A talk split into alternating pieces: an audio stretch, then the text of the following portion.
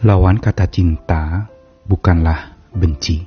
Walaupun kita temukan di kamus jawabannya itu. Karena sesungguhnya dan sebenarnya lawan kata cinta itu adalah egois. Tidak peduli, memikirkan diri sendiri. Kenapa begitu? Karena saat di mana lawan kata cinta itu benci, sebenarnya benci dan cinta itu satu perspektif yang sama. Sumbernya sama. Bukankah kalau orang benar-benar cinta, maka di dalamnya juga ada kandungan benci. Artinya, saat seseorang mencintai, dia juga harus menekankan tentang bagaimana dia peduli kepada orang lain.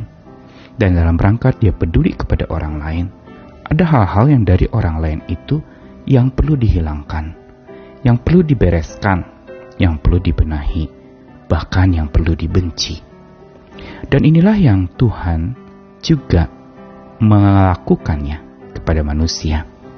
Bahwa saat Tuhan mencintai, maka ada juga yang dia benci.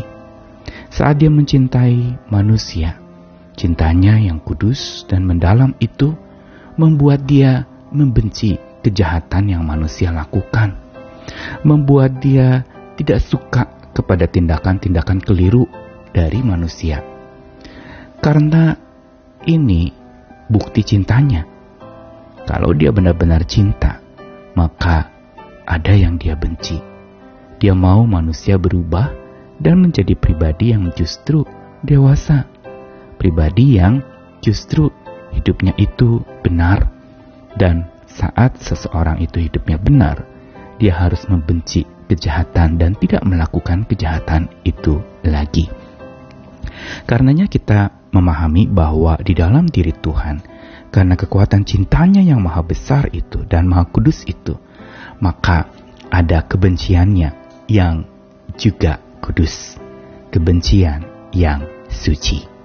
Saya Nikolas Kurniawan menemani di dalam Sabda Tuhan Hari ini dari kitab Amsal pasal 6 ayat 16 sampai 19 yang di dalamnya ditegaskan tentang apa yang Tuhan benci.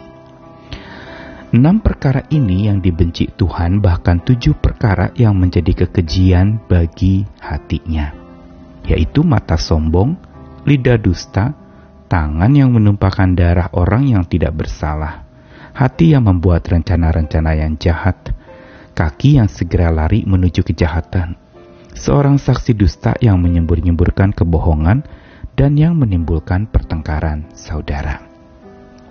Apa yang dituliskan di dalam kitab Amsal pasal 6 ayat 16 sampai 19 tegas-tegas memberitahu kepada kita tentang hal-hal yang dibenci oleh Tuhan. Apakah ini berarti Tuhan tidak penuh kasih? Justru sebaliknya, kita harus lihat ayat ini dalam perspektif bahwa Tuhan justru sangat mencintai manusia. Karena itu ada yang dia benci dari manusia, yang harus dihilangkan, yang harus dihapuskan, yang tidak boleh ada di dalam hidup manusia, harus dibenahi itu. Dan dikatakan 6 bahkan 7 itu tercantum dengan sangat jelas di dalam Amsal pasal 6 ayat 16 sampai 19 yang semuanya berbicara tentang karakter manusia, yaitu mata sombong, yaitu mata yang memandang rendah orang lain, menganggap diri lebih hebat dari orang lain, lidah dusta, lidah yang penuh dengan kebohongan, dan ini yang Tuhan tidak suka. Justru karena Tuhan mencintai manusia, Dia tidak menyukai ada dusta di dalam cinta itu. Lalu kemudian tangan yang menumpahkan darah orang yang tidak bersalah berarti sebuah tindakan kekerasan yang menyebabkan kematian, yang menyebabkan luka, dan bahkan dikatakan di situ menumpahkan darah orang yang tidak bersalah. Lalu yang keempat, hati yang membuat rencana jahat. Ini bicara soal hati, bicara soal kejahatan di dalam hati, rencana-rencana yang dilakukan dari dalam hati sampai jadi tindakan berupa kejahatan yang nyata. Lalu selanjutnya kaki yang segera lari menuju kejahatan. Kembali ditegaskan lagi tentang kejahatan, bahwa kaki yang segera lari menuju kejahatan adalah kaki yang sangat cepat berbuat jahat tanpa berpikir, tanpa memeriksa diri, langsung saja secara spontan berbuat jahat. Lalu seorang saksi dusta yang menyemburkan kebohongan berarti mengucapkan kata-kata yang penuh dusta lagi dan menimbulkan pertengkaran saudara. Apa yang dibenci oleh Tuhan ini semuanya adalah hal-hal yang memang harus diatasi dan diberantas dalam diri seseorang.